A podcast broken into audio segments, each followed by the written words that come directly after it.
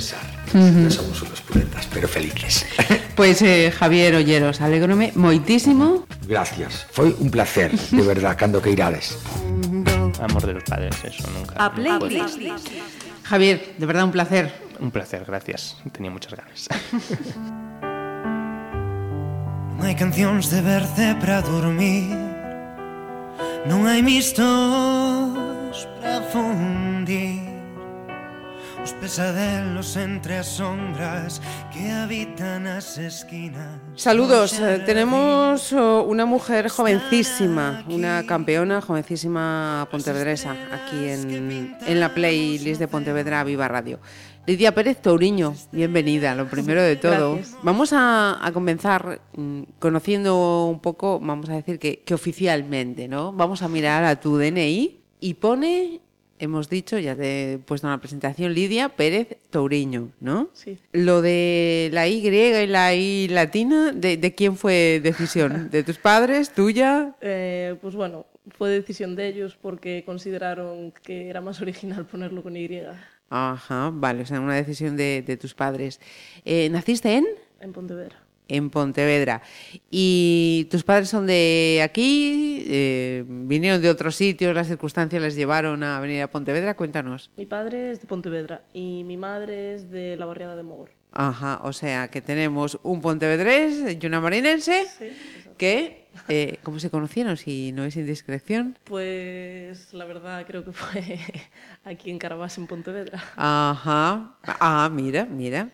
¿Más hermanos, más hermanas? Mm, bueno, eh, yo soy hija única por parte de mi madre, pero mis padres están divorciados y mi padre tiene otro niño. Ajá. Las nuevas familias. ¿Sí? O sea, eres la mayor entonces. Sí, exacto. Perfecto. ¿Has tenido ocasión de conocer a tus abuelos? Eh, sí, de hecho tengo tres y uno desde hace dos años no, pero sí, incluso una bisabuela. O sea que. Una bisabuela, qué grande. ¿Cómo es esa relación que, que mantienes con, con ellos? ¿Has disfrutado de ellos? Sí. ¿Han ejercido de, de abuelos que, que cuidan a su nieta porque los compromisos laborales de los padres tratan de conciliar? Cuéntanos. Pues a ver, con los de por parte de mi madre, con mis abuelos de Mogor, eh, sí que los veo, pero es más una vez a la semana y pues tengo muy buena relación, pero es más esporádicamente. Ajá. Pero mis abuelos de Pontevedra me criaron desde que era pequeña, mis padres iban a trabajar y yo me quedaba con mi abuela y me paseaba por toda Pontevedra, así que la relación con los abuelos de aquí es muy especial. ¿Cómo se llama esa abuela? Manolita. Manolita, sí señor, me gusta, me gusta. Mira, eh, eh, en tu casa, en la infancia, cuando eras chiquitina, ¿qué, qué, qué músicas escuchabas? Escuchaba, bueno, incluso aquí tendremos que seguir hablando de la abuela, ¿no? También, pues ya que pasabas tanta, tanto tiempo con ella. ¿Se escuchaba la radio, la música que le gustaba a la abuela Manolita, la que le gustaba a tu padre, a tu madre? ¿Qué, qué recuerdos tienes en ese sentido? Pues la verdad es que mi familia son todos músicos, porque mi padre es bajista, Bueno. mi tío es guitarrista, estuvieron en la Panorama, en París Senoya, mi tía es cantante, entonces pues tengo una familia... Prometo que eh, eh, es una de las mayores sorpresas que me llevan las playlists que no tenía ni idea. Pues sí, entonces pues la música fue una parte bastante presente en mi infancia, aunque he de decir que yo creo que no salí tanto por ahí, porque de hecho en primaria tengo suspendido la asignatura y pues mi padre decir, no me lo puedo creer, o sea... ¿Sí? y. O sea que eh, tu padre bajista, me decías, ¿no? Su hermano, mi tío, es guitarrista y Ajá. la mujer de mi tío es cantante. Y bueno, y mi abuelo en su juventud tocó el saxofón, así que O sea, ya viene de atrás. es una cosa de Y estás hablando de, de las orquestas más top, importante ¿no? de Galicia, sí. Ajá.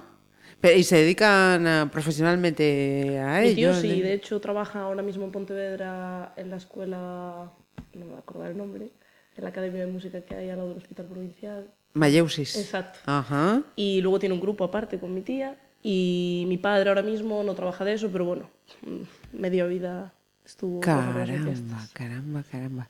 Y, y en casa entonces lo que se escuchaba era ellos tocar, ellos cantar. o- Yo recuerdo desde pequeña llegar a casa y que mi padre estuviera ensayando con el bajo, para aquí, para allá.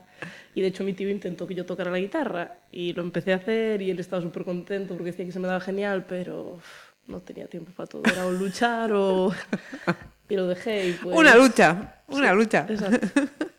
Eh, Lidia, eh, de, de tu playlist, eh, cuéntanos eh, con qué vamos a comenzar. Pues mm, la verdad me es indiferente. Podemos empezar con la de San 41, que probablemente es una de las Ajá. canciones que más escuchaba por aquel entonces. Ajá, eh, eh, em, explícanos que esto yo va a ser uno de los descubrimientos cuando, cuando venía Lidia yo ya le he dicho voy a hacer muchos descubrimientos yo en esta en esta playlist.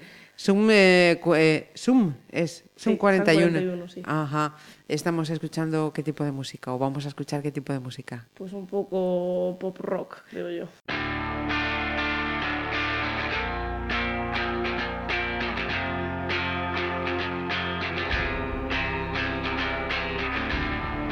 Tried to be perfect, but nothing was worth it. I don't believe it makes me real. I thought it'd be easy, but no one believes me. I meant all the things I said. If you believe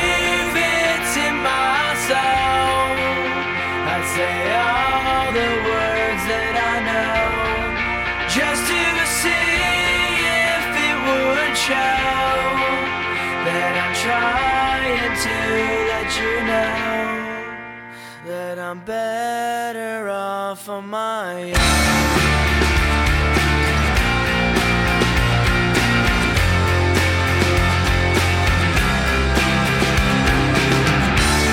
This place is so empty, my thoughts are so tempting.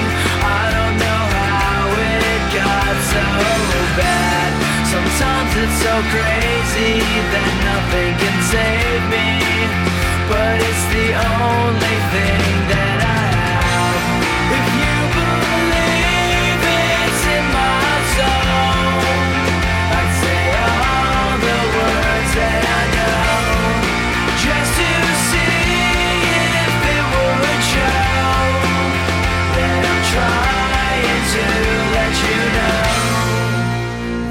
better off on my own.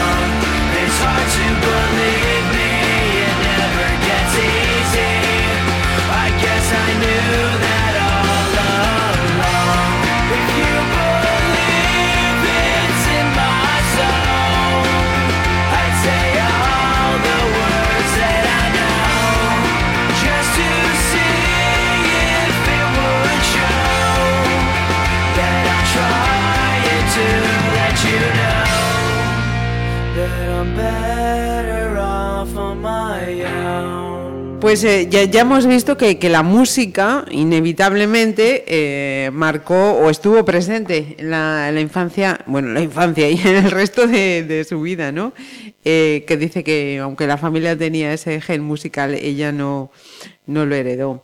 El deporte entonces, vamos a dejar la, la música ahora y nos vamos al, al deporte. Eh, ¿Es algo que también te, te enganchó desde chiquitina? ¿Te recuerdas desde pequeña haciendo deportes, una chica activa o, vino después? A ver, siempre me gustó hacer deporte y de hecho hice un montón de deportes. Estuve en natación, kickboxing, baloncesto, atletismo, pero la verdad que cuando conocí la lucha, el resto dejaron de interesarme. O sea, fue un, no sé, un nuevo comienzo. Vale, y, y esa diversidad de deportes que practicabas te venía también porque veías pues eh, a tus padres o a tu entorno o fue algo pues innato en ti que te gustaba y Sí, a ver, lo de natación, por ejemplo, fue algo que tomaron la decisión ellos, pues lo típico, todos los niños necesitan saber nadar. Y luego, pues fui, pues conforme compañeros míos de clase anotaba un deporte, yo quería probarlo también y pues creo que fue un poco una búsqueda hasta encontrar Ajá. cuál era el mío. ¿Cuál era el tuyo? O sea que si te pregunto cuál es el primer deporte que, que recuerdas eh, que practicabas, esa sería la natación. Sí, sí. Ajá. ¿Y, y la lucha con qué edad llegó? Pues llegó en cuarto de primaria, cuando tendría nueve años, diez aproximadamente. Con nueve años. ¿Y, y cómo, cómo es eso? Porque no es habitual que te ofrezcan No. ir a clases de, de- de lucha. La verdad que yo estudiaba en el Manuel Vidal Portela Ajá. y vinieron a dar unas clases de lucha. Y al principio pues era un poco, ah, no, pues vamos a ver qué tal está esto. Y pues descubrí que me gustaba y decidimos probar y nos anotamos pues, como 10 personas de la clase. Y la gente lo fue dejando hasta que llegó un momento que yo sola iba a entrenar con mi entrenador, en aquel entonces Moncho, Ajá. que venía desde Vira de Cruces a entrenar. Caray. Y pues desde entonces. Ajá. Esto era en el Club Loita Pontevedra, ya de aquí en el Exacto, Club sí. Loita Pontevedra. Ajá. Bueno, pues eh, Lidia nos acaba de contar cuál es, cuándo y cómo fue su, su inicio, su comienzo en la, en la lucha. Venga, vamos a hacer otra, otra paradita en tu selección. Pues vamos a poner 20 de abril. 20 de abril de los Celtas Cortos, que te llevo unos añitos, unos cuantos, unos cuantos, vamos a decir. Y, y están más cerca de mi generación que de la tuya. ¿Cómo, cómo conoces a los Celtas Cortos? Pues porque esta canción sí que es algo especial, porque cuando empecé a hacer lucha y entré en el CGTD, en uno de los festivales de Navidad del CGTD, cantamos esta canción todos los de lucha juntos. Y pues Ah. me recuerda a esa etapa de mi vida.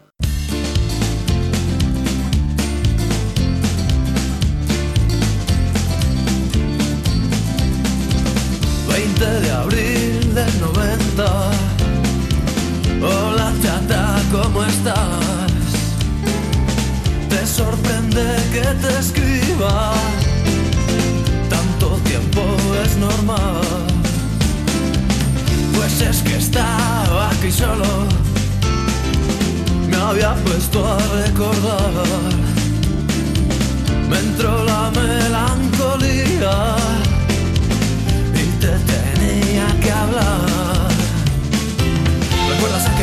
en la cabaña del turbo? Las risas que nos hacíamos antes todos juntos. Hoy no queda casi nadie de los de antes. Y los que hay han cambiado,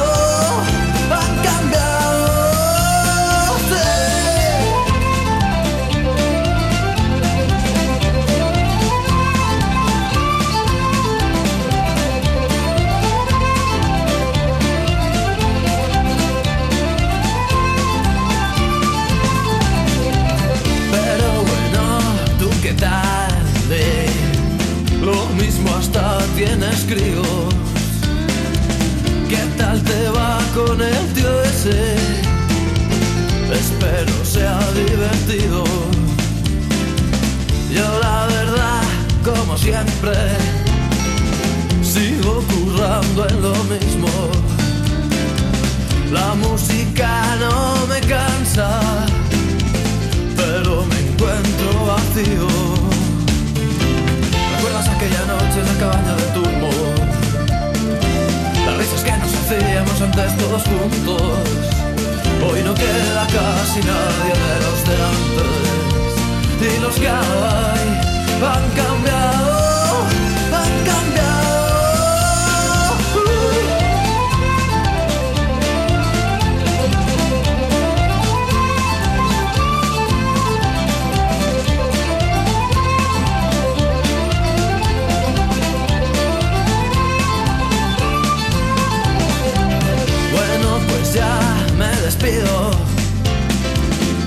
te mola, me contestas. Espero que mis palabras desordenen tu conciencia. Pues nada, chica, lo dicho. Hasta pronto si nos vemos. Yo sigo con mis canciones y tú sigue con tus sueños. ¿Recuerdas aquella noche en la cabaña del turbo? Las risas que nos hacíamos antes todos juntos. Hoy no queda casi nadie de los de antes. Y los que hay han cambiado,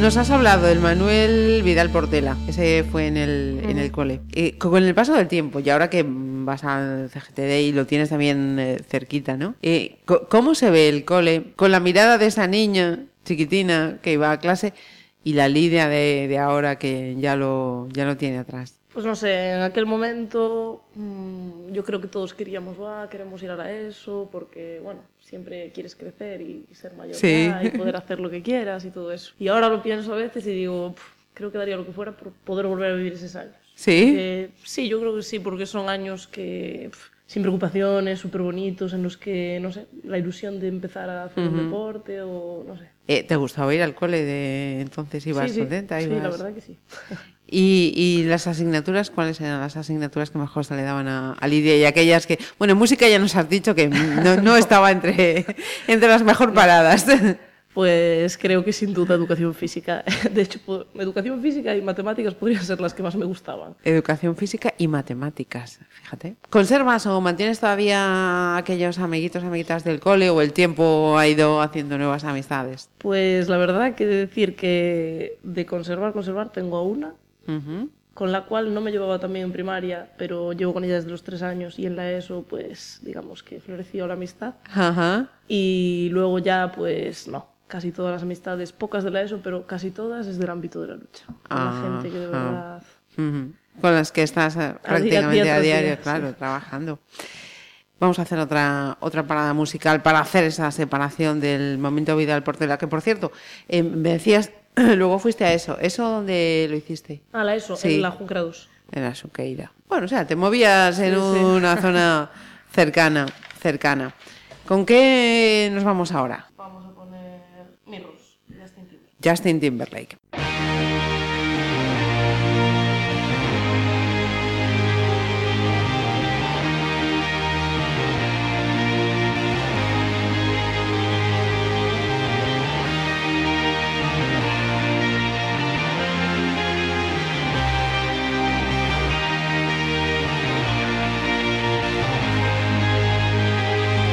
Aren't you something to admire? Cause you shine at something like a mirror And I can't help but notice You reflect in this heart of mine If you ever feel alone and the glare makes me hard to find Just know that I'm always very loud on the other side Cause with your hand in my hand and a pocket full of soul I can tell you there's no place we couldn't go. Just put your hand on the past I'll be trying to pull you through. You just gotta be strong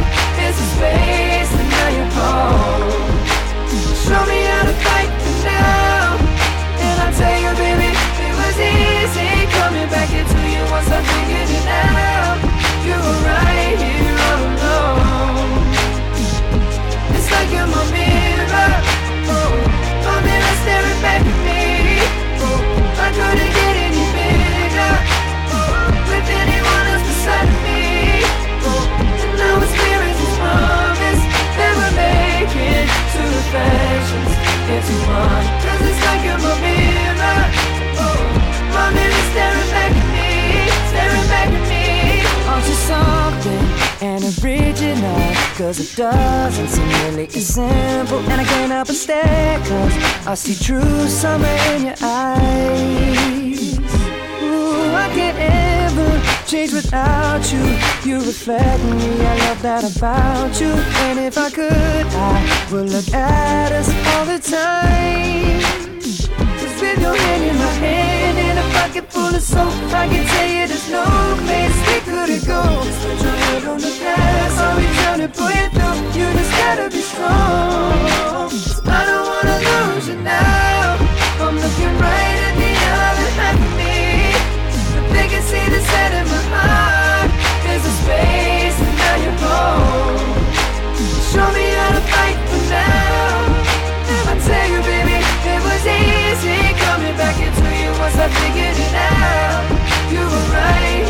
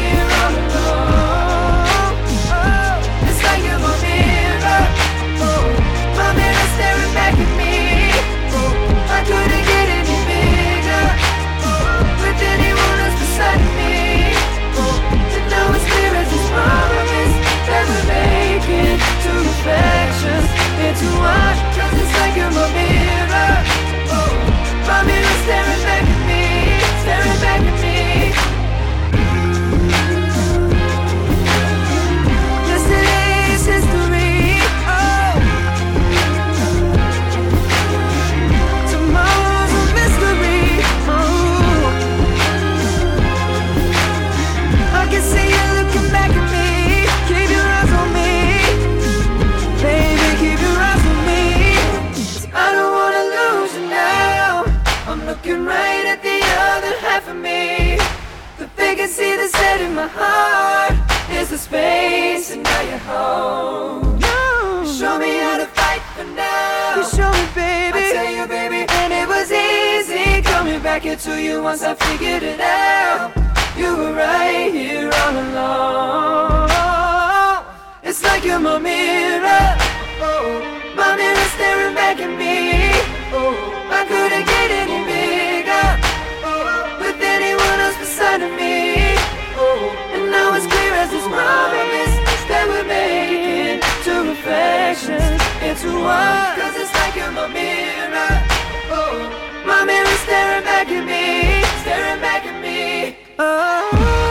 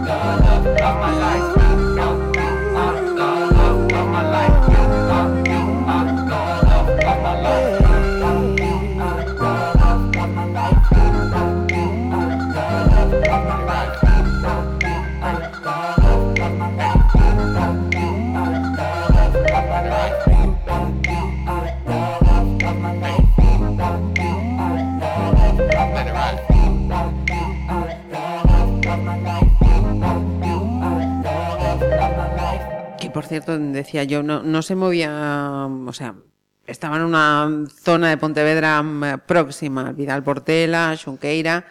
Eh, de- ¿Dónde estaba la casa familiar? En Juan Bautista Andrade, en Lérez casi. Tampoco te... No, no tan arriba, por eso al inicio. Sí, ¿Sigues viviendo allí en Lérez o luego cambiaste? Mm, ahora vivo en el centro yo sola, Ajá. como con mis compañeras de lucha, Bueno. pero por comodidad para ir a entrenar, para ir a la facultad, porque es mucho Ujú. más cómodo. Al tener que levantarme muy temprano y no tener que depender de un coche o...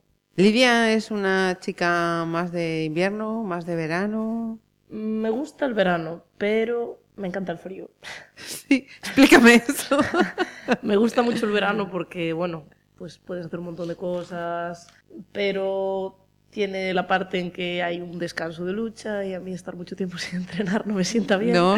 Y luego que cuando hace mucho calor no lo soporto, porque a mí me encanta ir abrigada hasta arriba y que me dé el aire así frío en la cara. Me encanta la sensación de ir súper abrigada. Así que Ajá. Eh, nos decías, eh, te fuiste a la Sunqueira a hacer la, la ESO.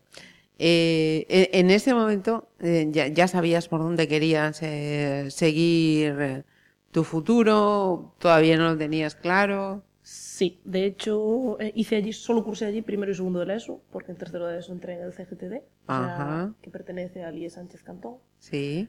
Y pues a partir de ahí ya, ya cuando empecé en la ESO sabía que yo quería irme para el CGTD. O sea, tenía bien claro que, que tenía que acabar cuanto antes para poder estudiar allí. Mira, ¿y qué se, qué se necesita para que te digan, sí, entras en el CGT? Pues tienes que cumplir una serie de requisitos, tanto deportivos como académicos. No, obviamente en el CGT no se puede repetir y tú tienes que entrar como mucho arrastrando dos. Y luego, pues a nivel mm, deportivo, pues depende del deporte, pero generalmente mínimo campeonato gallego, haber participado en un campeonato de España. Y luego, pues que cada entrenador de cada deporte hace como una selección de primero, segundo, tercero, de prioridades de los que quiere que entre. Ajá. Entonces, depende un poco de eso. Eso supone que mm, el esfuerzo, la dedicación que tienes que ponerle a esa vocación futura, eh, digamos que está unos escalones por encima de, de otros compañeros que pueden cursar esos estudios en ese momento, ¿no? Sí, probablemente sí, porque mm, era como que te esforzabas solo porque querías conseguir eso. O sea, tú querías conseguir entrar y para eso necesitabas esforzarte y pues aprobar todo y entrenar y creo que ya aprendes desde muy pequeño lo que te vas a tener que sacrificar para conseguir las cosas. Por ahí, por ahí iba. Eh, espíritu de sacrificio entonces lo llevas ya, vamos, no te voy a decir marcado a fuego, pero en la frente seguro cada día cuando te levantas. Sí, pero bueno, he de decir que mm, así como hay muchos deportistas que dicen que hay que abandonar muchas cosas por esto, yo creo que me gusta tanto que no considero que pierda cosas. O sea, es duro, sí, hay veces que te levantas por la mañana y decir, uff, tengo que ir a entrenar ahora. Pues te cuesta, hay días que te puede costar. Ajá. Pero la mayoría de días no es así, porque si no, no lo haría. O sea, yo creo que al final es que sientes que ganas más cosas de las que pierdes. Por tanto, eh, eso de renuncia para ti no existe. Mm, no, Haces las cosas cuando, cómo y por qué te apetecen. exacto. Así suelen salir siempre bien los propósitos que uno, que uno se hace, ¿eh, Lidia? Vamos con, con otra paradita en tu selección. Poner Panic at the Disco de High Hope. Y pues porque esta canción me parece pues, motivante para ir a entrenar y no sé, me gusta.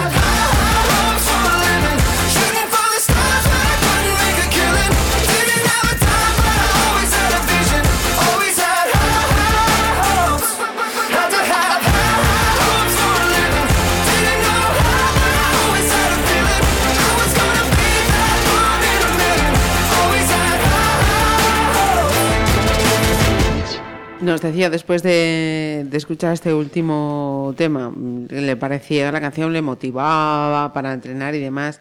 Eh, ¿Consumes mucha música? Mm, se puede decir que sí, porque me levanto, me pongo los cascos para ir a entrenar, me los pongo al salir, llego a casa, mientras me ducho pongo música, como, me vuelvo a poner música para ir a entrenar, Ajá. con cascos a la facultad, así que sí, se puede decir que sí.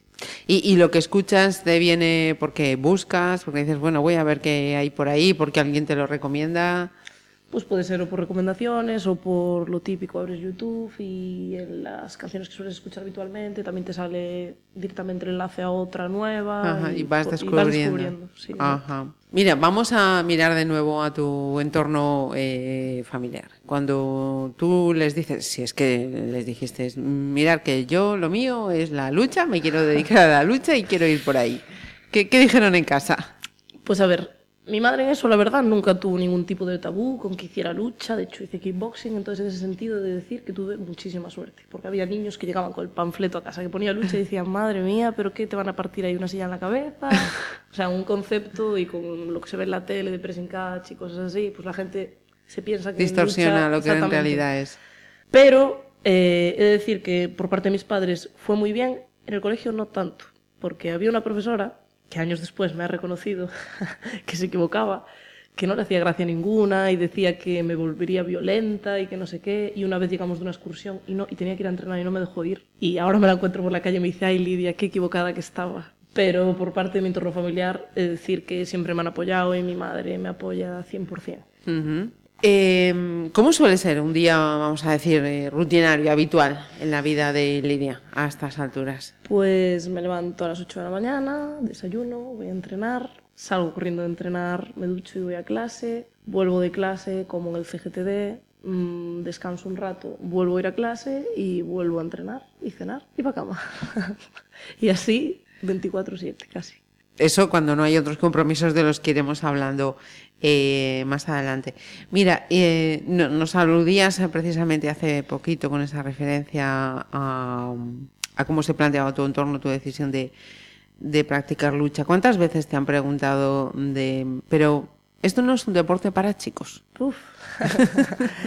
sí, y de hecho, aparte de eso, hay un desconocimiento de lo que es la lucha olímpica, que yo a veces lo digo en la universidad y la gente lo descubre pues con 20 años, lo que es la lucha.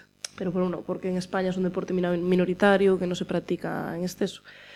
Y sí es verdad que la gente suele asociar el hacer lucha o un tipo de deportes con que solo pueden hacer los hombres. Y que por hacer lucha no puedes ser femenina, eh, no te puedes arreglar y tienes que ser pues súper bruta, entre comillas. Sí, sí. Y eso no es para nada así. Y aquí estamos, yo quería insistir precisamente para, para romper esa lanza, ¿no? Vemos que, que eso es un tópico más eh, de los que suelen frecuentar, pues este, en este caso, la, la práctica de, de un deporte como, como es este. En tu caso, por ejemplo, eh, requieres una preparación física, lógicamente, una genérica, una específica, pero también eh, te cuidas la alimentación, tienes que llevar una dieta concreta o... Sí, porque en lucha competimos en categorías de pesos. Ajá. Entonces tú te pesas en un peso y a las dos horas compites. Entonces, claro, no puedes superar ese, ese peso. Ajá. Entonces hacemos dieta pues casi todo el año. De hecho, la dieta nos la lleva mi preparador físico porque es licenciado en Ciencias de la Actividad Física y el Deporte y tiene un máster en nutrición. Y entrenamos todas las mañanas físico con él. Y él nos lleva la dieta, nos pesa, nos dice pues vamos a apretar aquí, vamos a quitar esto. Y así es muchísimo más fácil Ajá. de llevar. Vale, entonces ya me acabas de responder lo siguiente. ¿Eso es duro o es fácil?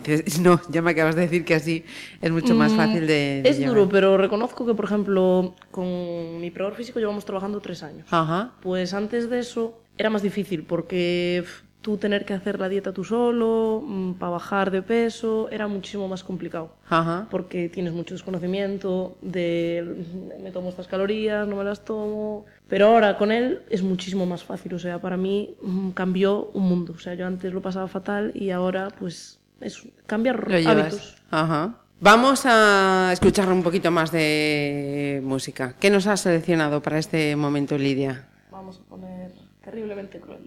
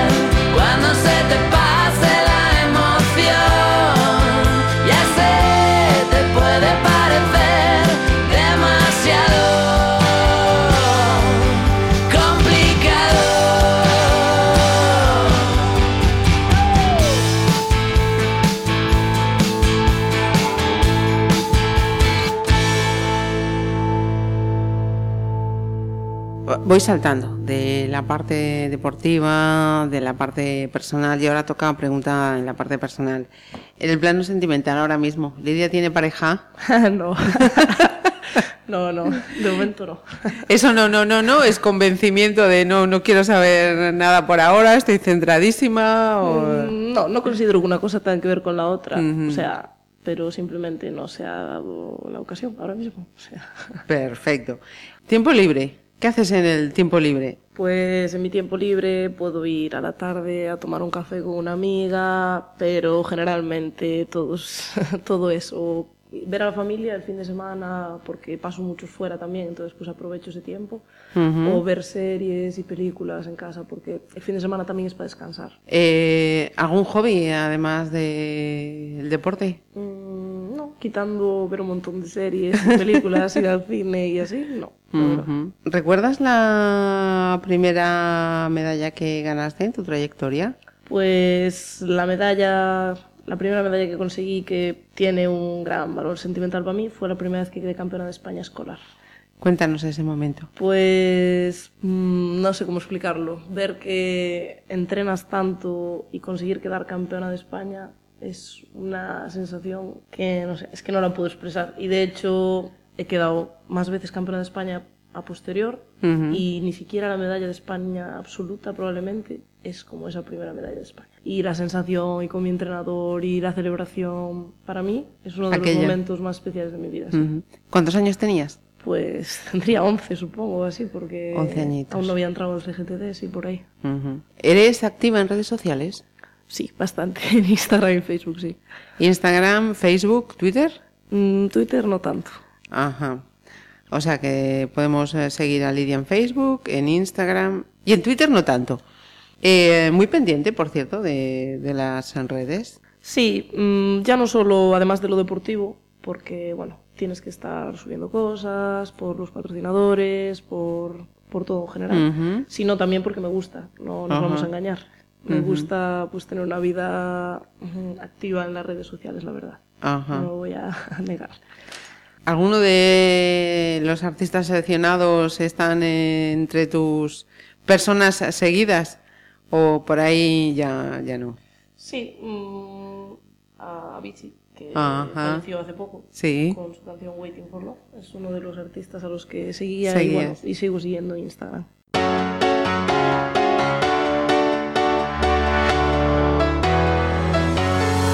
Well, there's a will, there's a way, kinda beautiful. And every night has its day, so magical.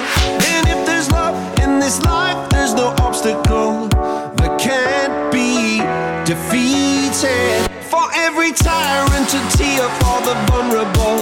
In every loss, so the bones of a miracle. For every dreamer, a dream we're unstoppable. With something to believe. Monday left me broken. Tuesday I was through with hoping. Wednesday my empty arms were open. Thursday waiting for love, waiting for love. Thank the stars it's Friday. I'm burning like a fire gone wild on Saturday. Guess I won't be coming to church on Sunday. I'll be waiting for love, waiting for love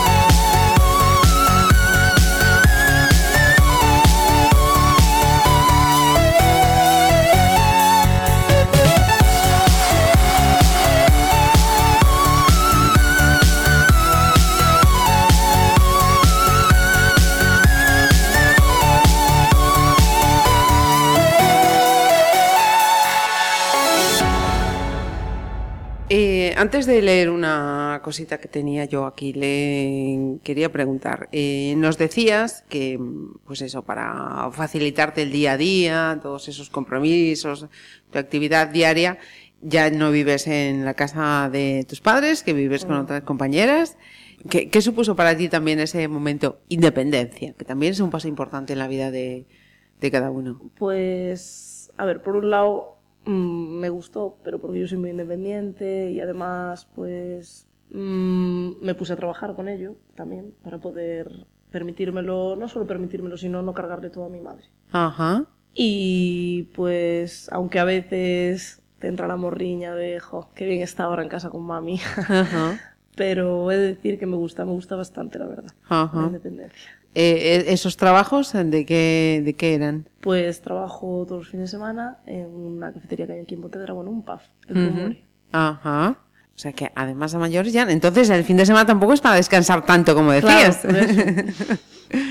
Voy ahora sí, con esa, con esa frase que, que decía antes. La vas a reconocer seguro. Pero quería que me explicaras qué, qué, es, qué es esa frase. Nunca pienso en lo que he perdido, sino en lo que me queda por ganar. No necesito que sea fácil solo, que sea posible. Pues, a ver, ¿cómo explico esto?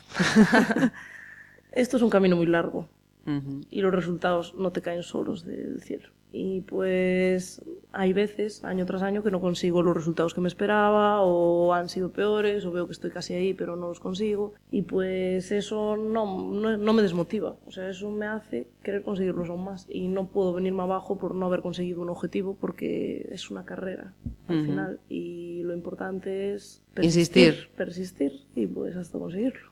Ajá. Marcos Miragaya, eh, ¿cómo os motiva? Pues no sé cómo explicarlo. O sea, Marcos es una persona muy importante para mí en mi vida. Él fue como mi primer entrenador después de que Moncho no pudiera seguir en el club, que al principio no me gustaba nada, porque claro, yo quería a Moncho. Pero he de decir que, que vamos, que fue una decisión acertada y que no me imagino sin él en este camino. Ajá. y pues nos motiva pues cada día. Pero es porque tú quedas para tomar un café con él y él te motiva ya solo hablando.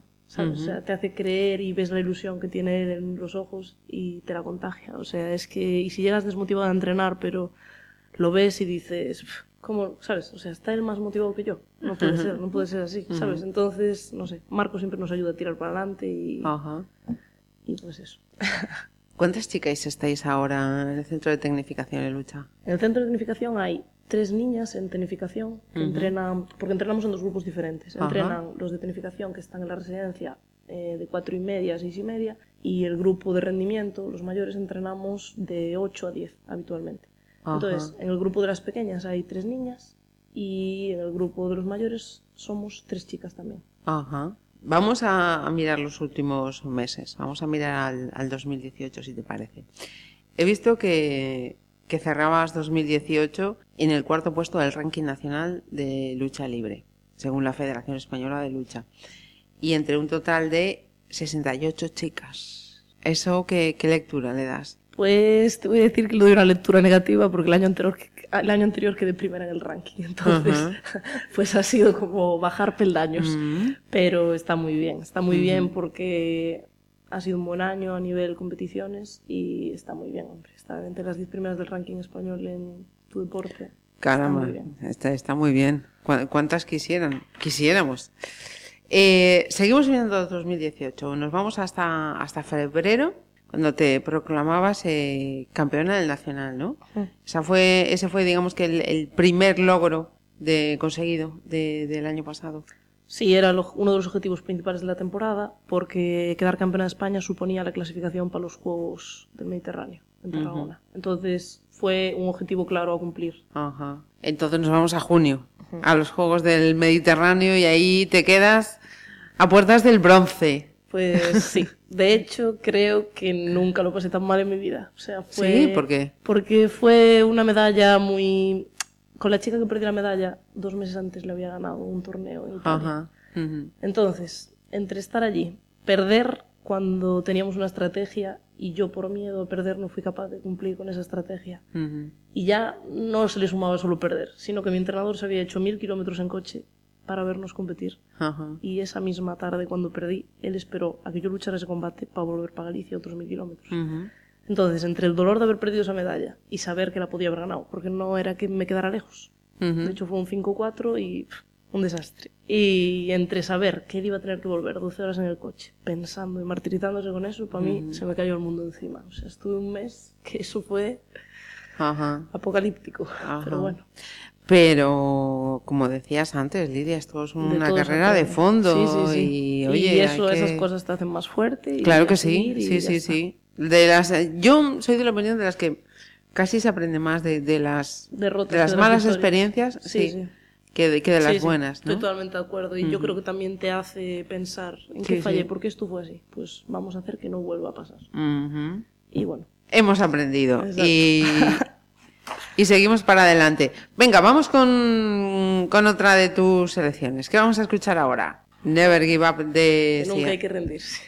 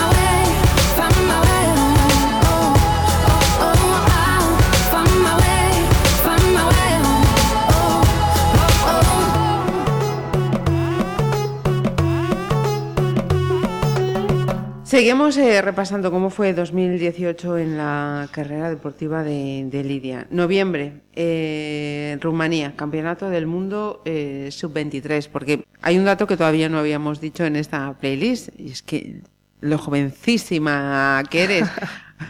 ¿Cuándo, cuándo vas a estar de cumple este año? Eh, En octubre, aún queda, aún queda. Octubre. 17 y, de octubre. y en octubre cumplirás 22 años. 22 añitos, sí, nada. Joven- jovencísima, envidiablemente jovencísima. ¿Cómo, recuerdas esa, esa experiencia de, Rumanía? Pues a ver, Rumanía fue algo que no teníamos muy previsto, porque después de perder el bronce en Tarragona, salió una convocatoria de la Federación Española en la que supuestamente yo me quedaba fuera del equipo por haber perdido esa medalla. Ajá. Entonces no contábamos mucho con asistir. Y un mes antes del Campeonato del Mundo nos avisaron de que sí iba. que me llevaban porque, bueno, hubo ahí un presupuesto extra en la Federación Española y que contaban conmigo. Entonces fue un poco preparada a contrarreloj. Y fue, pues, fue una buena experiencia, pero me quedé a las puertas también de ganar este comba- el, comba- el primer combate en octavos. Y Ujú. bueno, estuvo bien, pero lo mismo. Es saber que tienes que superar una serie de cosas para, para que la próxima no vuelva a pasar. Ajá. ¿Y qué te trajiste en esa mochila de aprendizaje, de aprendizaje guau, de, de Rusia, ¿no? Visto que también estuviste en el Training Cup Internacional en diciembre. Pues un montón de cosas, pero porque Rusia es, es como el nacimiento de la lucha, casi. Ajá. Porque en Rusia todo el mundo sabe lo que es la lucha, la practica todo el mundo. O sea, un cam- quedar campeón de Rusia es como quedar campeón de Europa. Ajá. Más o menos, para que te hagas una idea. O Sí, sea, en Rusia, si eres luchador y eres bueno, eres un dios casi. Ajá. Entonces allí es muy diferente entrenar a nivel técnicamente, dureza, eh, la disciplina, sabes, tener que formar todos los días antes de desayunar a las 8 de la mañana fuera, nieve o no nieve, y un montón de cosas, un montón de valores y muy bien, muy bien, la verdad. Rusia es Ajá. un destino muy bueno para Ajá. entrenar, la verdad. También eh, pasaste por Francia y por Hungría el año pasado. Sí, estuvimos en París, en el INSEP, dos semanitas antes de Rusia más o menos, entrenando con el equipo nacional de Francia y muy bien, muy mm, las instalaciones están genial y se entrenaba bien allí. Y en Hungría, pues muy bien, fue preparatoria para el Mundial, esa concentración para el Mundial Senior, entonces había muchísimo nivel y fue a principio de temporada, así que Ajá. nos pegaron unas buenas. Pero estuvo muy bien y luego me enamoró Budapest, así que genial, la verdad. Eh, por tanto, eh, ya, ya solamente a nivel eh, moverse, 2018 ha sido un año de, de mucho viaje, ¿no? Sí, sí, la verdad que sí.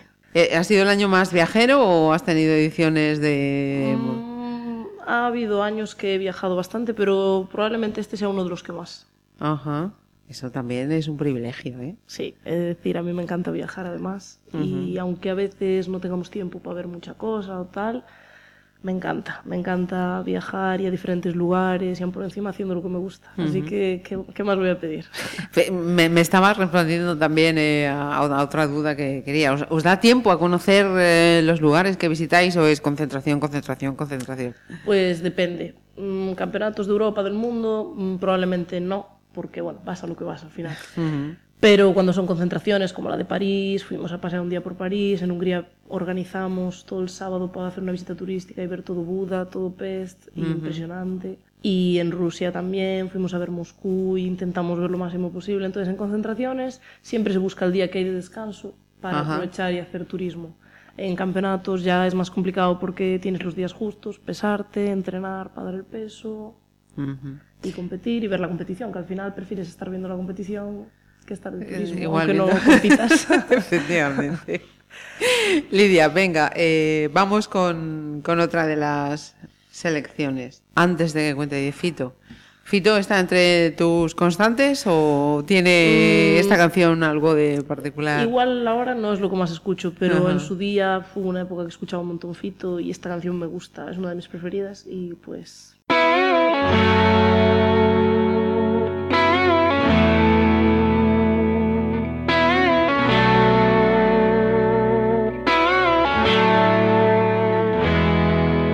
escribir y no disimular. Es la ventaja de irse haciendo viejo.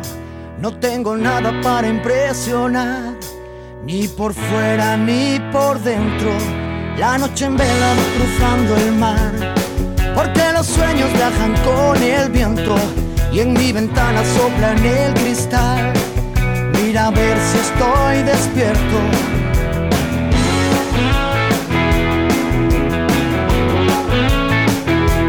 Me perdí en un cruce de palabras, me anotaron mal la dirección. Ya grabé mi nombre en una bala, ya probé la carne de cañón. Ya lo tengo todo controlado. Y alguien dijo, no, no, no, no, no. Que ahora viene el viento de otro lado. Déjame el timón.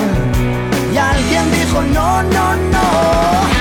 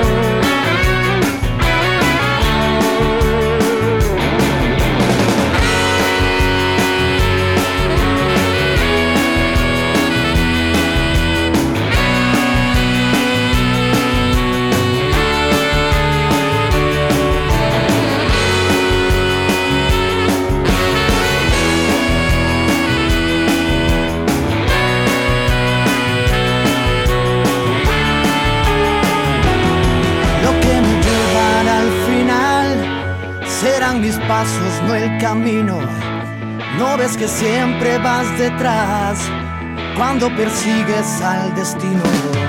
Siempre la mano y no el puñal. Nunca es lo que pudo haber sido. No es porque digas la verdad, es porque nunca me has mentido. No voy a sentirme mal si algo no me sale bien. He aprendido a derrapar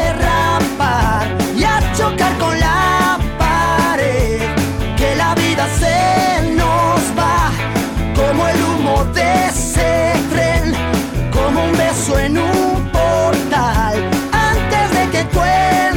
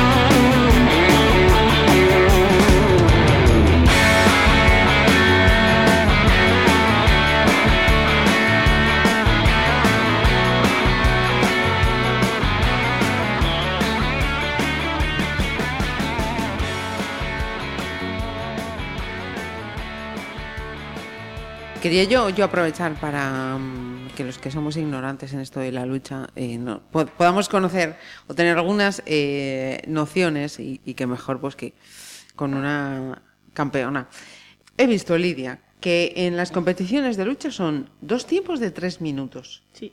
Yo cuando leía esto y pensaba, digo, bueno, me, me imagino que esos tres minutos eh, habrá veces en los que sean interminables, que parezca que no terminan nunca, y otros en los que digan, ¿ya?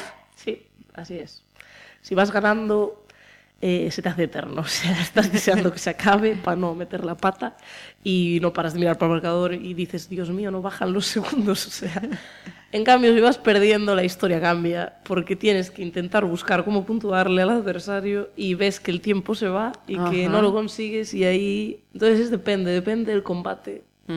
Pero también te digo, se hace muchísimo más rápido el combate dentro que fuera.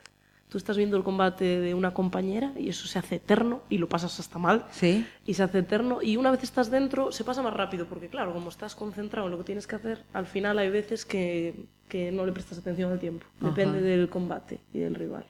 Porque eh, durante esa competición, entonces, eh, el, el tiempo también es, es un elemento que, que tenéis que estar pendientes o Eh, otras circunstancias de, pues eso, hay que hacer esto, tengo que entrar por aquí, tengo que... Más o menos tienes que estar pendiente porque, claro, al final son tres minutos y otros tres minutos, y a no ser que haya una, una diferencia muy obvia entre los dos rivales, lo más probable es que estés ahí casi los seis minutos. Entonces, uh -huh. pues sí que tienes que echar de, de, vez en cuando un ojo al marcador para ver cuánto tiempo te queda, para ver si merece la pena arriesgarme ahora, si es mejor esperar, y uh -huh. pues según la estrategia que tengas, y dosificarte.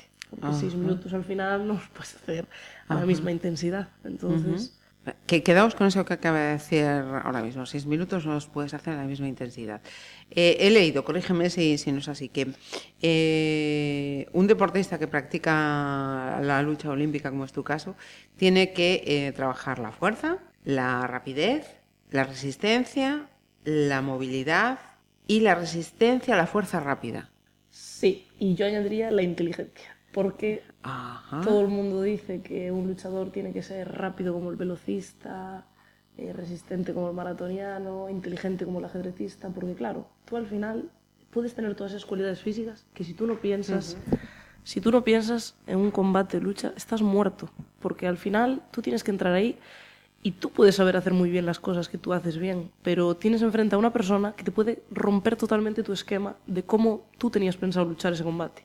Entonces tienes que como estar constantemente reorganizando en tu cabeza qué hacer, cómo defender y si pasa esto y tienes décimas de segundo para pensarlo. Y lo de la resistencia a la velocidad, a la... A la ¿Cómo era? La resistencia. Resistencia a la fuerza rápida.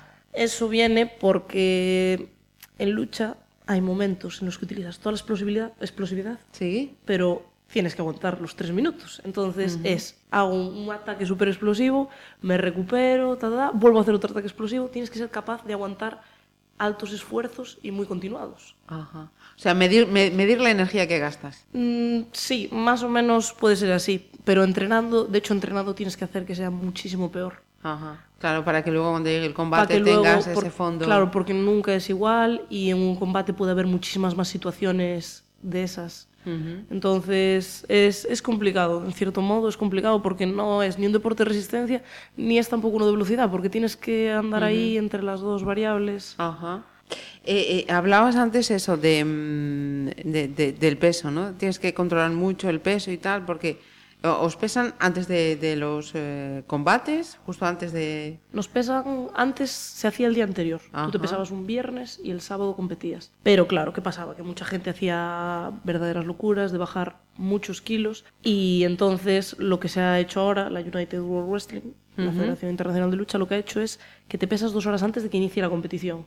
Y, ya Ajá. está. y luego, si el día siguiente te clasificas para medallas, bronce o a la final, entonces tienes que volver a dar el peso con dos kilos de margen. Puedes pesar dos kilos más. Pero eso este año, en 2019, va a cambiar. Y vas a tener que dar el mismo peso. Entonces, claro, la gente ya no puede o no bajar tanto o tiene que hacerlo más controlado, siguiendo una dieta y unos hábitos de vida todos los días, cambiando las rutinas, porque no puedes bajar 5 kilos así de la nada, porque luego los vas a recuperar y al día siguiente lo tienes que volver a dar.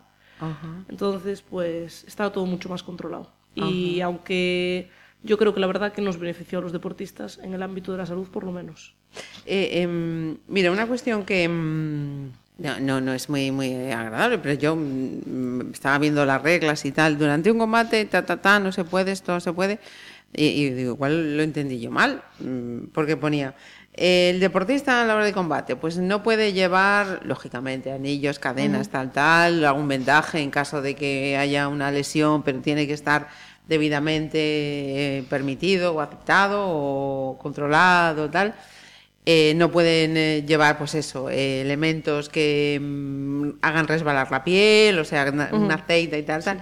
Y, y ponía la sudación. O sea, digo, pero vamos a ver, si están practicando un deporte, ¿cómo no van a sudar? Sí, ¿Cómo les van a- a eso se refieren en... Tú cuando entras al tapiz, le das la mano al árbitro y Ajá. extiendes los brazos y el árbitro te toca los hombros. Y si estás sudado, tienes que ir a la esquina y tu entrenador te seca con una toalla. Y en el descanso, en esos 30 segundos, entre los 3 y los los 3 tiempos, minutos, ajá. cuando llegas otra vez el árbitro te vuelve a tocar. Porque ¿qué pasa? Que si da la casualidad de que yo sudo muchísimo, para mi rival es una desventaja, porque a la hora de intentar agarrar, esto no es judo, tienes que agarrarle el brazo. Ajá. Y si suda un montón se va a resbalar. Entonces juegas en desventaja. Entonces, en teoría, cuando llegas, te seca un... Pero bueno, esto eh, seguro que lo pinta muy exagerado en las reglas, pero no es tan así. Te, se- te secan un poco... diciendo, pues que es inevitable. Te secan un, un poco con, con la toalla los hombros y ya estaría, en verdad. Pero bueno. Ajá, mira, tú ves, yo tenía esa duda mundana de esas cosas que... Afortunadamente, Lidia, eh, hemos entrado en, un momento en el que se está tomando conciencia de la necesidad de igualar la- las condiciones de hombres y mujeres que se dedican al, al deporte profesionalmente. En el caso de la lucha, ¿cómo, está la, situación a día de hoy? Pues en el ámbito de la lu- lucha, es decir, que a nivel Federación Española y también la Federación Internacional, no creo, no considero que haya discriminaciones en cuanto a hombres y mujeres. De hecho, ahora querían ver de Paralimpiada, porque claro, en lucha hay tres categorías: hay grecorromana Ujú, y libre masculina. Las dos son solo para hombres. Sí. Y libre femenina. Ajá. Entonces, en una Olimpiada hay el doble de hombres que de mujeres, Sí. porque hay más categorías de peso que de mujeres. Que de mujeres. Al haber dos categorías de hombres. Entonces querían intentar meter también grecorromana para mujeres, por el tema de la igualdad y todo. Ajá. O sea, que por ellos sí quieren que todo sea igual. Pero no sé si se llevará a cabo porque tampoco sé yo si la lucha grecorromana para mujeres sería muy ideal en cuanto a salud, por ejemplo. Ajá. Claro, em, por lo que he visto, la diferencia sería en que puedes golpear con. eh, hay posibilidad de que se pueda golpear de una manera diferente a la lucha libre, ¿no? Sí, las técnicas son diferentes. En Ajá. grecorromana no puedes ni agarrar las piernas ni tocarlas para hacer derribos utilizando las piernas, pero es mucho más, mm, no lesiva, sino a nivel físico es mucho más dura. Contundente, Así como ajá. la libre, tanto Ajá. masculina como femenina, es más de, de pecho, de Ajá. al final. Ujú. La otra es más física. Y hay posiciones que yo creo que no serían las más idóneas para una mujer porque agarras la zona de los ovarios y cosas así. Entonces, yo considero, la verdad, que no se va a llevar a cabo. Además de que porque a nivel mundial practican muchos más hombres lucha que mujeres. Ajá. Esto es así. Sí. Entonces, pues al final yo creo que si hicieran esto, al final quedaría campeón olímpico, olímpica, gente a lo mejor, ¿sabes lo que te quiero decir? Sí, sí, sí.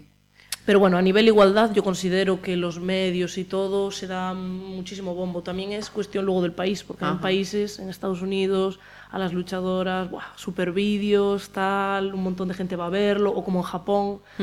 Y hay otros países pues que no. Rusia, por ejemplo, aunque las chicas también sean tengan un papel importante, nada que ver con los chicos. O sea, tú ves Sí, un sí. campeonato de Rusia masculino y eso es que las gradas es que no tiene sitio. Ujú. Entonces yo creo que es un poco depende de la religión que tenga el contexto país y también. de todo, sí, Ujú. exacto. Vamos con la penúltima selección de las que nos ha hecho Lidia para esta playlist. Venga, Shadow, de Lady Gaga. Lady Gaga.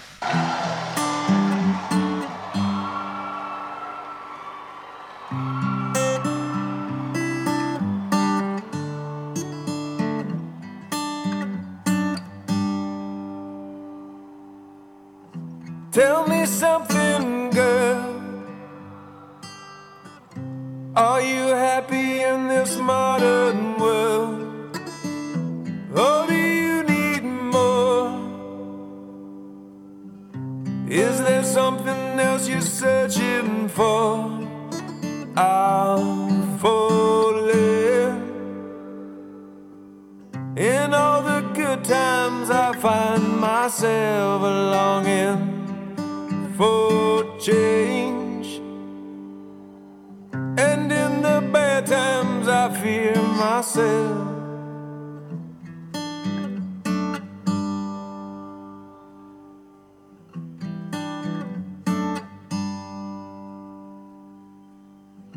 Tell me something, boy. Aren't you tired trying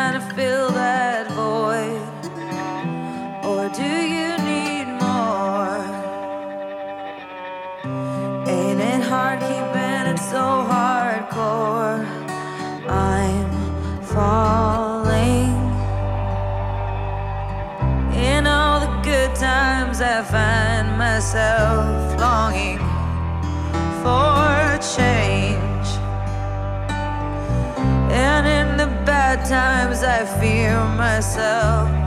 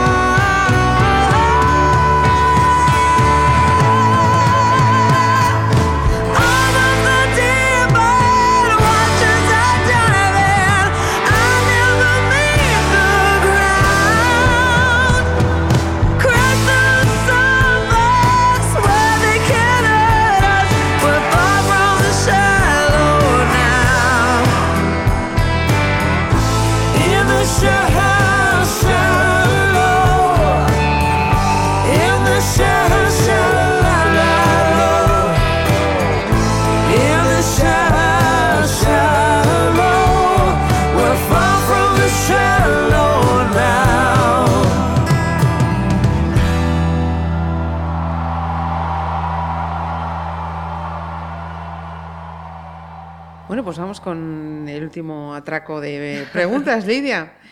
¿Qué planes tienes para este 2019 después de ese repaso que habíamos hecho antes al 2018? Pues a ver, los objetivos de este año serían quedar campeona de España sub-23, que tenemos el campeonato una semana y media más o menos, ir clasificarme para ir al campeonato de Europa sub-23, porque al final pues es el de mi edad y el de mi categoría al que quiero ir. Y luego espero quedar campeona de España senior, que este año se celebra el campeonato de España aquí en Santiago de Compostela, o sea que Ah. hay que ganar en casa. Y ojalá me convoquen para el campeonato de Europa senior y el, el campeonato de Europa senior es clasificatorio para los Juegos Europeos. Entonces, a ver. Va ahí todo casi Sí, a ver hilado. si aquí también tengo unos objetivos un poco hay que altos a lo apuntar mejor, alto, pero oye, claro, hay que apuntar exactamente, sí, alto, hay que tener un poquito de ambición en esta, en esta vida. Así que bueno, veremos a ver si, Mm, si los cumplimos. Estaremos pendientes, eso no lo dudes. ¿Y personalmente? ¿También haces planes? ¿Has hecho planes? Pues personalmente espero poder que vaya bien la universidad, porque claro, es difícil compaginar esto, faltar tanto y a la vez sacar el curso. Entonces, objetivo personal, intentar sacar todo el curso, todo tercero de carrera Ujú. y pues nada, crecer como persona otro año más. Ujú. Que yo, yo creo que, que los que estáis en, en estas disciplinas deportivas de, de manera profesional crecéis de una manera brutal, brutal además. Sí, sí.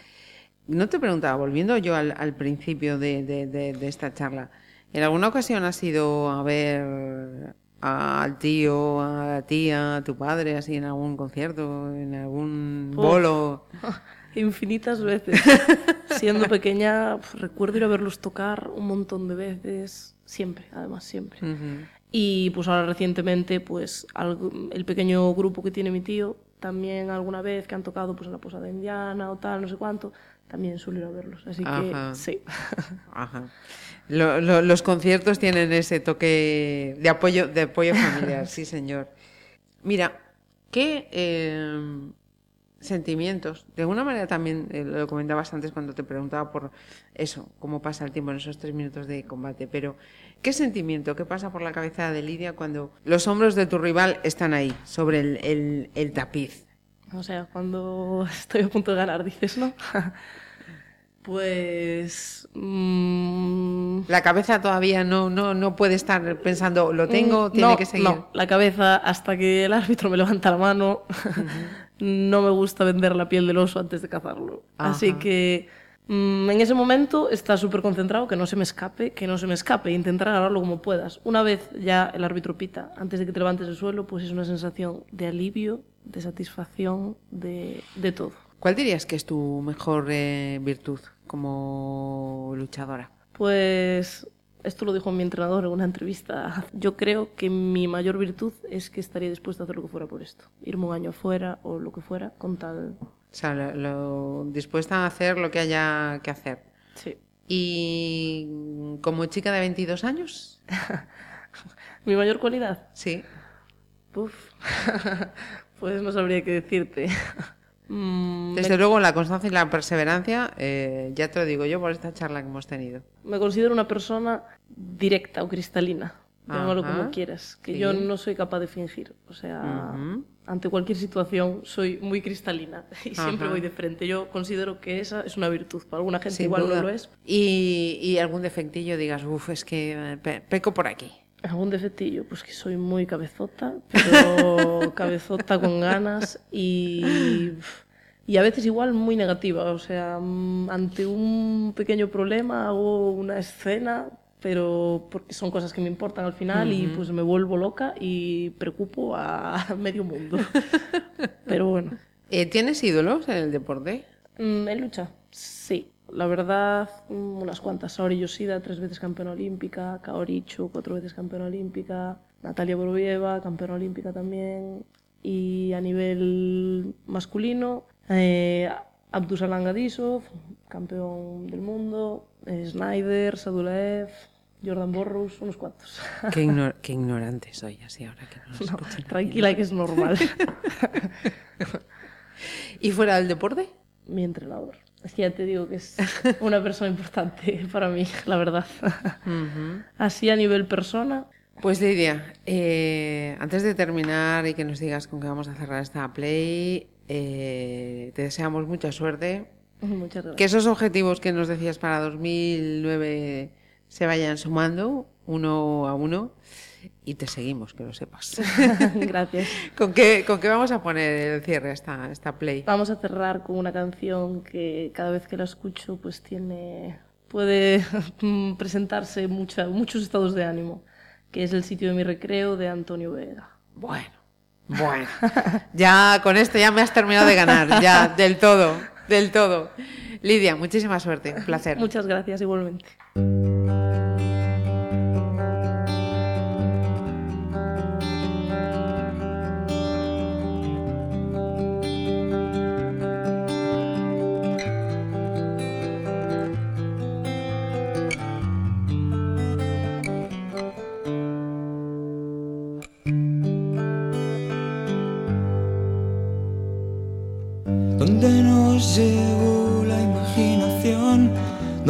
Con los ojos cerrados se divisan infinitos campos, donde se creó la primera luz junto a la semilla de cielo azul. Volveré a ese lugar donde nací de sol, espiga y deseo. Son sus manos en mi pelo, de nieve, huracán y abismos, el sitio de mi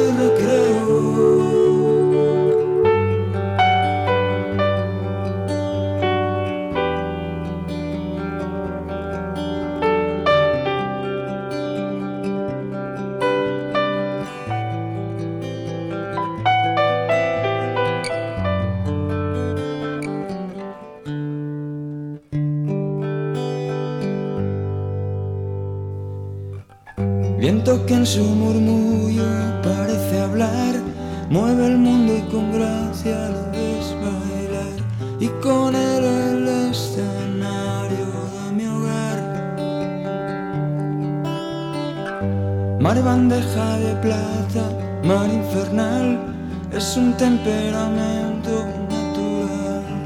poco nada cuesta ser uno más. De sol, espiga y deseo son sus manos en mi pelo, de nieve, huracán y abismos, el sitio de mi recreo. Silencio, brisa y cordura dan aliento